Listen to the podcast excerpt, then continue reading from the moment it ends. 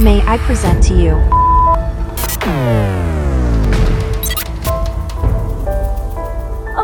Schatje, heb je zin? 100 euro, ik doe alles voor je. Kom je lekker binnen? Hm? Half uurtje. Mijn naam is Bas Dekkers en dit is Messcherp Media. Welkom bij de zesde aflevering van de Prostcast, een podcastserie over de geschiedenis van de prostitutie. In deze aflevering ga ik het hebben over het heden. En naast mij zit Melissa. En Melissa werkt als sekswerker onder andere op de Amsterdamse Wallen. En mijn eerste vraag aan haar is: waarom wil ze niet met haar echte naam worden aangesproken? Nou, de meeste sekswerkers gebruiken een werknaam. Ehm, er is toch een hoop ehm, stigma. Je wordt toch af en toe vreemd aangekeken als je sekswerker bent. En eh, het, het helpt ook om ehm, in de rol te komen, vind ik. In de rol van? Sekswerker. In de rol van sekswerker. Waarom, moet daar een specia- waarom wil je daar een speciale rol aan, aan voor hebben? Eh, omdat ik, als ik aan het werk ben, dan ben ik heel anders dan wanneer ik thuis op de bank zit. En ehm, Melissa heeft andere kleding, weet je wel. Ik loop echt, dan loop ik over de markt en dan, dan denk ik, oh, dat is leuk voor Melissa. Dus Het je, je, je speelt een rol, moet ik het zo zien? Als een soort actrice? Ja, eigenlijk wel. Oké. Waarom doe je dat? Wa- Waarom, wat, wat, wat is daar zo belangrijk aan? Kijk, als ik naar mijn werk toe ga, ben ik ook ben ik wel, nou, ben ik anders dan dat ik thuis ben. Maar waarom is het voor een sekswerker zo belangrijk? Nou, voor, voor, bijna alle sekswerkers gebruiken een werknaam. En het heeft ook te maken met bescherming van je privacy. We zijn ook in het algemeen heel voorzichtig met eh, Facebook. Daar zit je niet op, want dan moet je je echte naam en je foto, dat wil je niet. Ehm, dus eh, het is belangrijk om, om, je, om, je, privacy te beschermen. Dat is ook de reden, de voornaamste reden van het fotograferenverbod. Eh, en je, er zitten hier ook veel meiden die komen uit landen waar sekswerk niet legaal is. En als ze daar dan weten wat je doet, dan eh, ben je in veel gevallen behoorlijk de sjaak. Makkelijk chanteerbaar of wat dan ook. Of je familie eh, knikkert je eruit, dat kan ook nog gebeuren.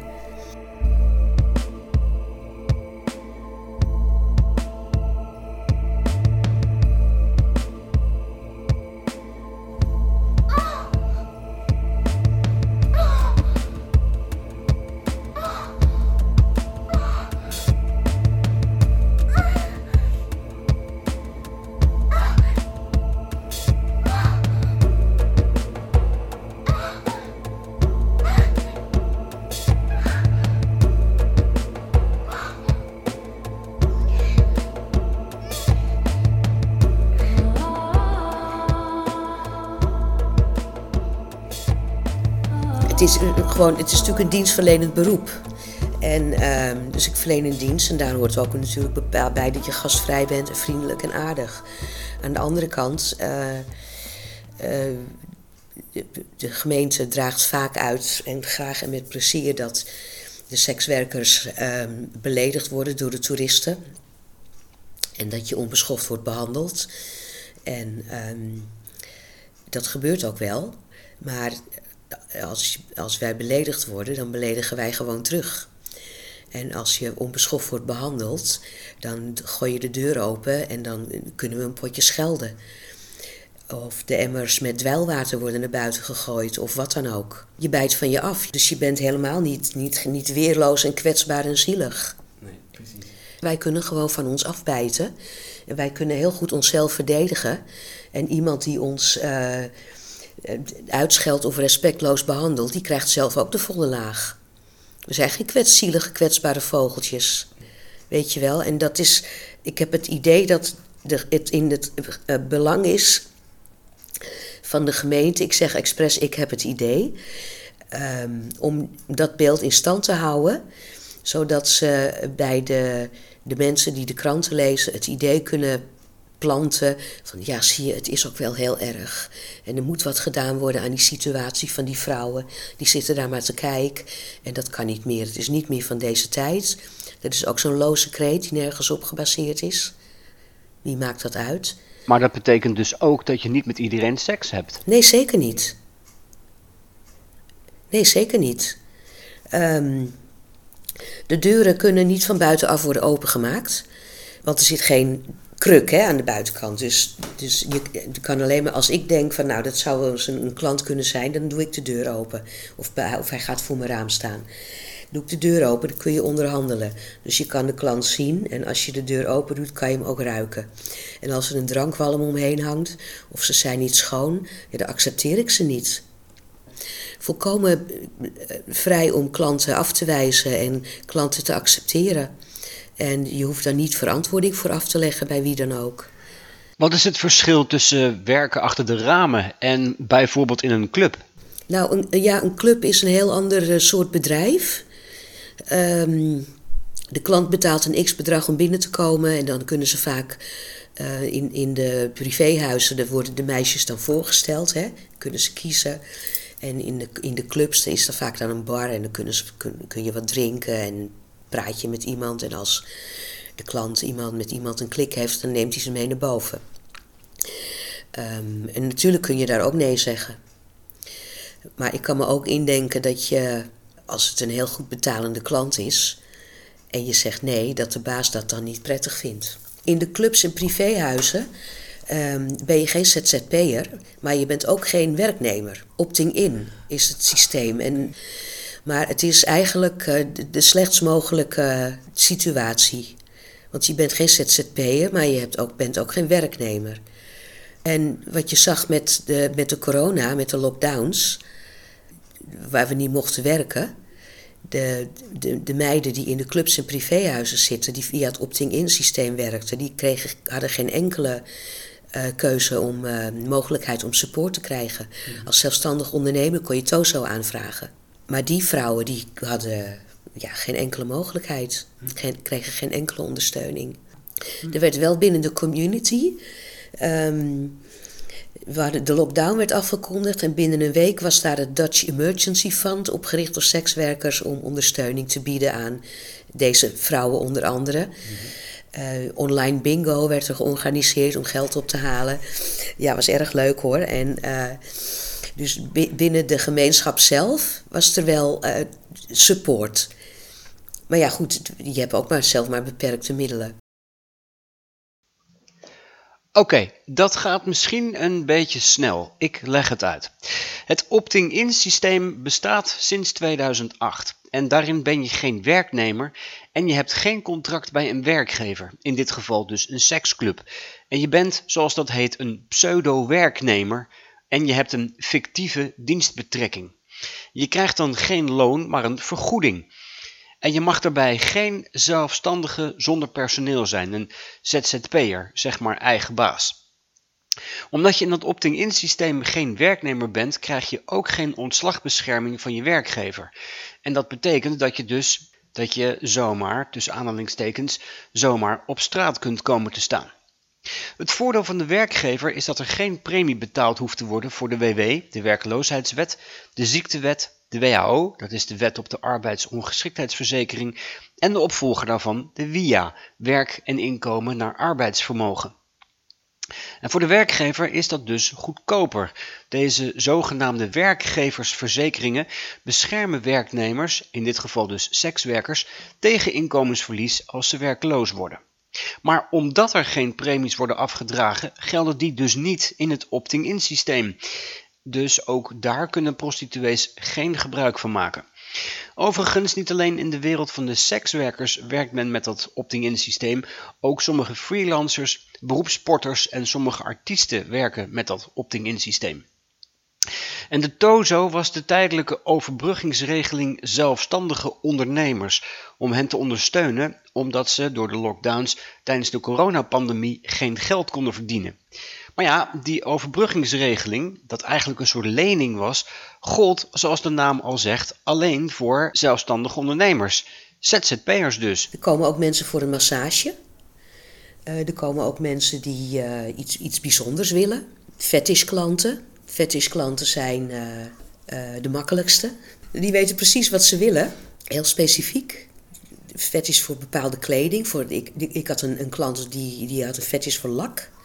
lakkleding. Dus hij had een lakpak en ik heb ook een lakpak. Het is heel glad materiaal. Een beetje dansen en dan... Ik hoefde me daar dus ook niet uit te kleden. En dan was hij dolgelukkig. Ja, daar ging het om. Uh, ik heb ook een, een, een klant die dan alleen maar een, een handjob wil. En, uh, maar dan wil hij tegelijkertijd mijn voeten likken. Nou, dat kan. Ja, dat duurt vijf minuten. Je hebt ook heel veel klanten die dat helemaal niet, niet willen. Die een praatje willen maken, het kopje thee. Of, weet je, maar die, en die komen dus ook niet hier. Die, die bestellen een escort of die gaan naar een club. Er is een beetje een, een ongeschreven regel dat het minimum is 50 euro. Dat, dat is voor, voor maximaal 20 minuten. Nou, de, meestal een, een hoop klanten halen dat niet eens. Maar goed, wil de klant langer blijven, moet hij extra betalen. Wil hij wat extra's, uh, SM of uh, rollenspel of wat dan ook, extra betalen. Wil hij dat de dame helemaal bloot gaat, moet hij extra betalen. En vaak is het ook zo dat 50 euro is voor een hand, handjob of een blowjob. En voor seks is het 100.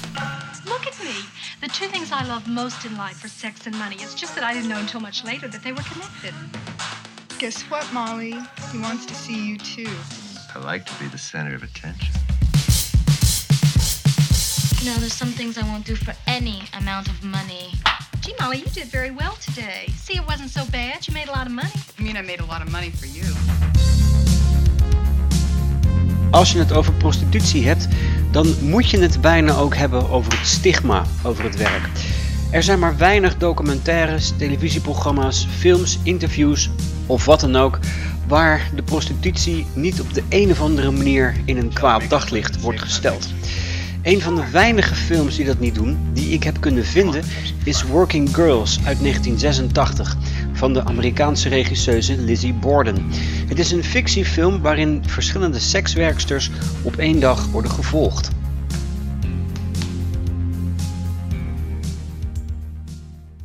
Je had die tv-serie Red Light. En het was een co-productie ook met België. Het speelde ook gedeeltelijk in Antwerpen. En uh, nou, ik dacht, ik, ik, ga eens kijken, deel 1.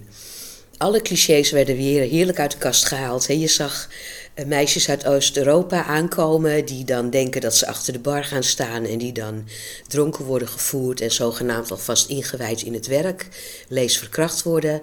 Je ziet iemand geld in een kluis leggen en daar ligt dan een stapeltje paspoorten in. Dat kan helemaal niet, want je moet je paspoort altijd bij je hebben om aan de politie te kunnen laten zien als ze controleren. En natuurlijk gaat het helemaal mis en worden die vrouwen gedwongen en in elkaar geslagen. En ik, ik, begrijp ook dat, dat, want het is natuurlijk een dramaserie, er moeten wel mensen naar kijken. En als ze mijn werkdag filmen, dan valt iedereen in slaap. Er is niks aan. Maar als je naar um, een detective kijkt, dan weet je ook dat het niet echt is en dat het een verhaal is. Maar met zo'n serie denkt iedereen, ja, maar zo gaat het dus wel. Ik heb al een paar keer het verhaal uh, zien voor, uh, voorbij komen van een vrouw die zit vastgebonden en dat er hondenvoer in huis heeft, maar die man heeft geen hond. Ik zeg niet dat dat niet gebeurd is, hè? Maar het is niet standaard. Het is niet de norm. Het probleem is dat ja, dit soort verhalen gaan er lekker in. Dat, dat wordt ook geloofd. Tot 2013 waren er in Utrecht seksboten waar raamprostituees werkten aan het zandpad. Maar de toenmalige burgemeester Wolfsen sloot de boten na meldingen van vermeende illegale prostitutie en gingen ruim 160 werkplekken verloren. Dit zorgde voor een flink protest bij de sekswerkers. Met spandoeken en veel geschreeuw trekken de prostituees door het centrum van Utrecht. Bij het stadhuis stopt de stoet. Twee uur eerder zijn de prostituees bij het zandpad druk bezig met de spandoeken. Ook Suzanne maakt er één, met een duidelijke tekst. Het zandpad is van ons. De gemeente wil de vergunning van de enig overgebleven exploitant niet verlengen. Binnen het bedrijf zou toch sprake zijn van mensenhandel. Gevolg is dan dat ruim 300 prostituees op straat staan. En volgens Suzanne beginnen dan juist de problemen. Ik denk dat, uh, dat er juist wel veel meiden in de illegaliteit gaan, omdat ze geen andere keuze hebben. Er zijn weinig uh, huuropties en uh, er, zijn ook geen, er is ook niet echt hulp aangeboden. En dat willen de vrouwen duidelijk maken aan de burgemeester. Met een bus vertrekken ze naar het stadhuis. En als Wolfsen naar buiten komt, laten de prostituees horen dat het menens is. Wij willen uitstralen is dat ook al hebben we 364 dagen in het jaar eigenlijk alleen maar negativiteit over ons heen. Deze ene dag vieren wij dat wij sekswerk mogen doen en dat we van ons vak genieten. Proud, de Belangenvereniging voor Sekswerkers, organiseerde in 2018 een meet and greet tussen sekswerkers en voorbijgangers in Eindhoven. Om het stigma proberen weg te nemen over prostitutie konden mensen in gesprek gaan met sekswerkers, zoals met pornoacteur Linton. Seks, daar kan je van genieten. Dus ook in dit werk kan je absoluut genieten. Er is natuurlijk mensenhandel, er is uitbuiting, uh, loverboy-praktijken, dat, dat is schandalig. Maar dan gaat het vaak om minderjarige meisjes, dat is überhaupt al verboden. Uh, dat bestaat, hè, en, en, dat, en daar moet je wat aan doen. Maar het misverstand is dat alle vrouwen worden gedwongen. En uh, wetenschappelijk onderzoek van onder andere professor Van Wezenbeek heeft uitgewezen dat misschien 10, misschien 15 procent van alle sekswerkers, dus ook mannelijke sekswerkers waar je nooit wat over hoort, die schijnen niet gered te hoeven worden, enige vorm van dwang, uitbuiting, etc. Er, ervaren. Dat, dat is natuurlijk 10% te veel of 15%, maar het betekent ook dat 85 tot 90% van die sekswerkers dat helemaal niet ervaart. Het, het, het gekke verschijnsel wat zich dan voordoet is dat het begrip dwang zo rekbaar is. Want als je geld van iemand leent en je moet het terugbetalen, dan word je ook gedwongen om te werken. En ben je meteen een slachtoffer van dwang en uitbuiting. um, dus dat is al heel vreemd. Wat ze ook met droge ogen meetellen, hè, dat zijn signalen van mogelijke uitbuiting. Dus twee slagen om de arm, hè, meer kan bijna niet. Ja, en kijk, en als je dat meetelt, ja, dan kom je wel op 80%. Ja, ik denk toch wel dat 80% gedwongen wordt. Hoor je dan iemand vertellen. En dat is dan weer nergens op gebaseerd. En als je de, de, de, groep constant eh, wegzet als slachtoffers en zielige vrouwen, dan ja, ontmenselijk je zo'n groep ook een beetje. En daardoor hoef je ook niet naar ze te luisteren. En uh, tegen mij zouden ze zeggen: ja, maar jij bent geprivilegeerd, want jij bent wit en Nederlands en je spreekt de taal goed, je bent hoog opgeleid. Het is ook zo, ben ik ook, hè, dat weet ik. Maar dat betekent niet dat mensen die niet wit zijn in Nederlands, et cetera, dat dat automatisch allemaal slachtoffers zijn. Dat is gelul. En, en als zo iemand die niet wit en et cetera. Um, zou gaan pleiten, haar verhaal zou gaan vertellen en in het raam werkt en zegt van nou waarom, waarom ze dat dan zeggen ze niet in je gezicht waarschijnlijk, maar ja, die, ze wordt waarschijnlijk gestuurd door de bordeelhouder hoor. Wordt gedwongen om dit verhaal te vertellen. Ja, linksom of rechtsom. Ja, je kan altijd wel zeggen ja, maar dat zeggen ze nou wel, maar. Maar niet alleen op straat is het stigma over sekswerk groot. Ook in de politiek is al heel lang gesteggeld tussen de partijen. Confessionele partijen zoals de ChristenUnie, het CDA en SGP zijn fel tegen prostitutie en zouden deze het liefst willen verbieden. Andere partijen, zoals Bijeen van Sylvana Simons, willen het sekswerk juist verder legaliseren. In een Kamerdebat uit 2021 benadrukte Anna Kuik van het CDA dat sekswerk en mensenhandel juist heel dicht bij elkaar staan. Ja, voorzitter, uh, mevrouw Simons geeft aan, uh, je kunt die twee scheiden. Maar wat het volgens mij het feit is bij mensenhandel, is dat als je niet zoekt, zul je het niet, niet vinden. En dat is natuurlijk in deze branche. Ik ken geen enkele andere branche waar zoveel mensenhandel en misstanden plaatsvinden als deze branche. Dus we zullen toch zeker bij deze branche moeten zoeken, anders zullen we niet vinden. Het lijkt me dat je in elke branche op zoek moet gaan naar daar waar de misstanden plaatsvinden, zodat je daarop kunt handhaven en eh, op kunt handelen. En dat is voor deze branche niet anders. Maar als wij sekswerkers die dit werk vrijwillig doen, echt goed willen beschermen, dan zullen we eerst hen volkomen in de kracht moeten zetten. De rechtsbescherming goed regelen, zodat we ook weten wanneer er sprake is van misstanden en we die ook uh, adequaat uh, kunnen nou ja, bestrijden. Over mensenhandel en, dwang en uitbuiting gesproken, dat komt op veel grotere schaal voor in de land- en tuinbouw, in de bouw, in huishoudelijk werk, de horeca. Um, en het gekke is dat je daar dus de, de, de redders nooit over hoort. Die mensen hoeven kennelijk ook niet gered te worden. En uh, misschien scheelt het wel dat die mensen worden aangeduid als arbeidsmigranten. Dat klinkt een stuk fijner en dat slachtoffers van mensenhandel, die moet je redden. Maar arbeidsmigranten, die, ehm, nee, die, die komen gewoon, nee. Het vervelende is dat ehm, allerlei meningen over sekswerk. En iedereen heeft een mening over sekswerk, zonder, vaak zonder uh, gehinderd te worden door kennis van zaken. Al die meningen worden gepresenteerd als feiten. Ja, die vrouwen worden allemaal uit Oost-Europa geronseld. Maar dat is niet Dat was misschien vroeger zo, toen de muur net gevallen was. Toen kon je ze van alles wijsmaken. Er was geen internet, er was geen mobiele telefoon in 1990. Maar nu niet meer.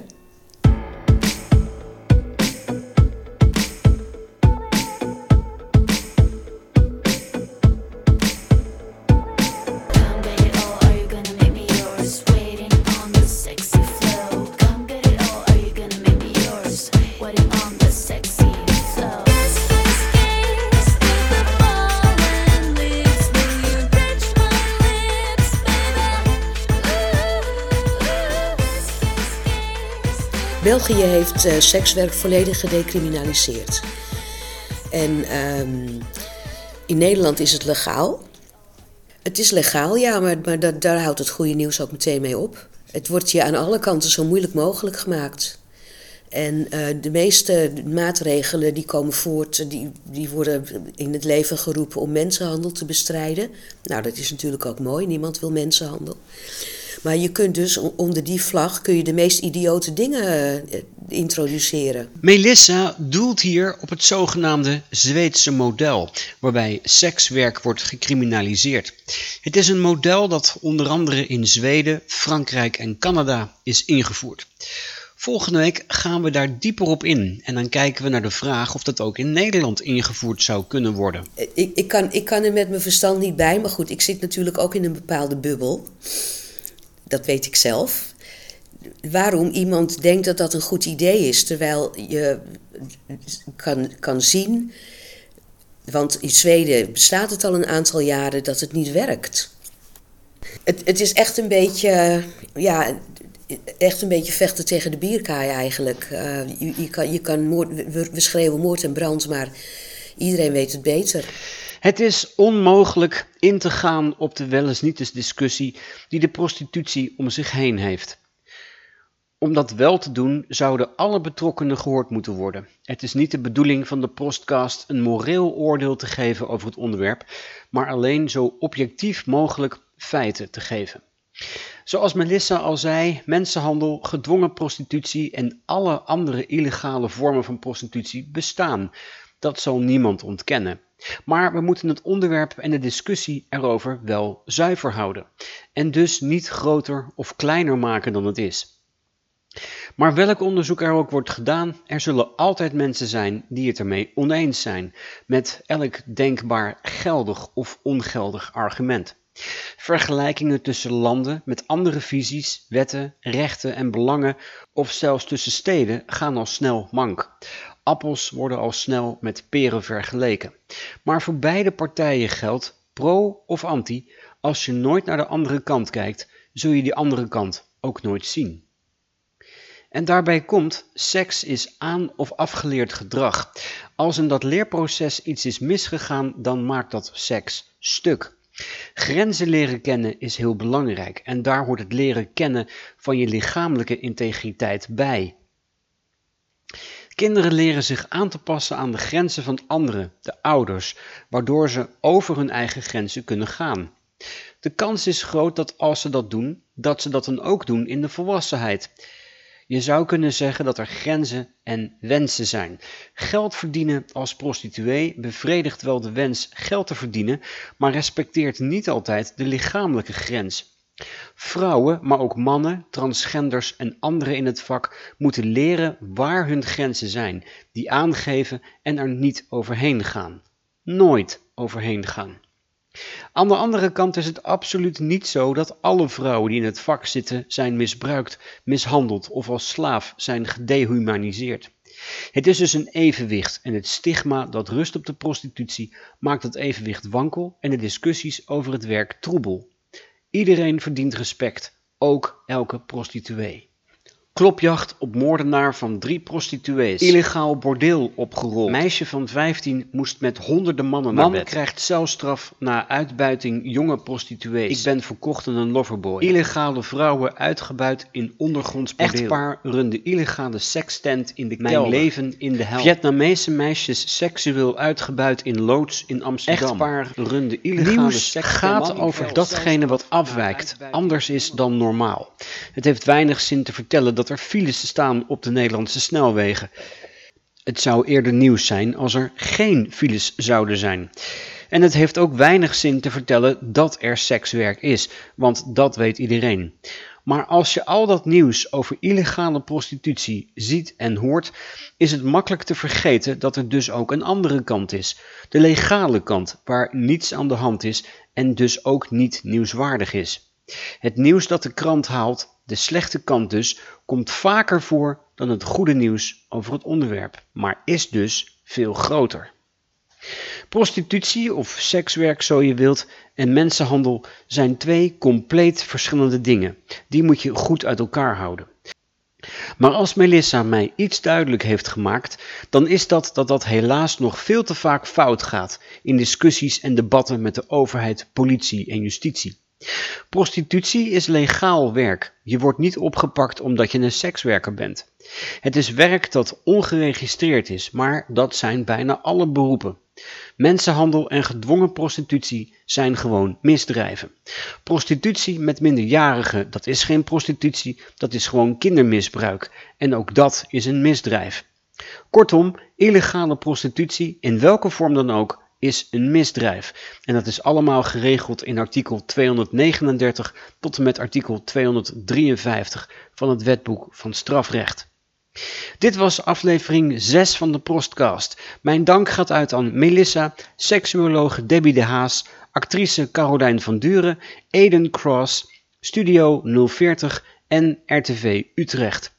En dank jou natuurlijk ook wel voor het luisteren naar de Prostcast. Volgende week de laatste aflevering en dan gaan we het hebben over de toekomst van het sekswerk. Luister je graag naar deze podcast? Laat de maker weten dat je waardeert wat hij of zij doet en geef een digitale fooi. Dat kan zonder abonnement, snel en simpel via fooiepot.com. Fooiepot met een d.com.